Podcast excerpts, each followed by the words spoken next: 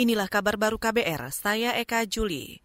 Saudara Komisi Pemberantasan Korupsi atau KPK hari ini akan mulai melakukan penggeledahan terkait kasus dugaan suap izin ekspor benih lobster. Deputi Penindakan KPK Karyoto tidak membeberkan lokasi penggeledahan, namun ia memastikan lokasi tersebut sudah disegel KPK. Dan tentunya memang sedini mungkin kemarin kita sudah segel sehingga mungkin uh, hari kemarin tidak ada yang masuk di ruangan yang akan kita beda. Mudah-mudahan besok akan bisa kita laksanakan penggeledahan secara menyeluruh terhadap eh, proses-proses uh, yang uh, sebagaimana kita ketahui dari hasil penyidikan awal. Itu tadi Deputi Penindakan KPK Karyoto saat konferensi pers di gedung KPK kemarin. Dalam kasus ini, KPK menetapkan tujuh tersangka termasuk Menteri Kelautan dan Perikanan nonaktif Edi Prabowo.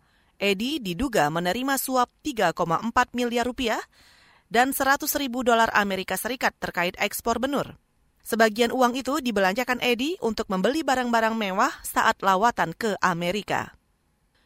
Saudara, progres kesiapan fasilitas rantai dingin untuk vaksinasi COVID-19 belum mencapai 100 persen.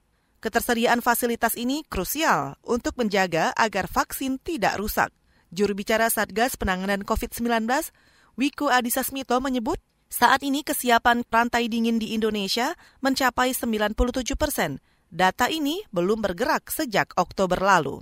Secara logistik, kesiapan prosedur untuk menjaga suhu vaksin atau cold chain dengan tujuan menjaga kualitas maupun efektivitasnya sudah berjalan dengan baik saat ini rata-rata kesiapan cold chain yang berfungsi di Indonesia mencapai 97 persen.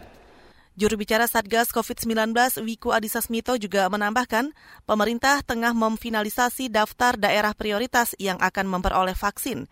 Aspek yang dipertimbangkan antara lain jumlah kasus positif, jumlah penduduk, dan luas daerah.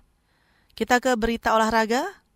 Klub Italia AS Roma memastikan tiket 32 besar Liga Eropa setelah mengalahkan tuan rumah CFR Cluj 2-0 di laga fase grup A. Gol bunuh diri Debeljuh di menit 49 membuat Roma unggul 1-0.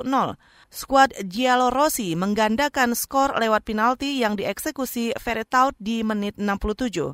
Di laga lain, klub Swiss Young Boys naik ke posisi kedua klasemen usai menang tipis 1-0. CSKA Sofia. Hal ini sekaligus memupus harapan CSKA untuk melaju ke putaran berikutnya. Saudara demikian kabar baru, saya Eka Juli.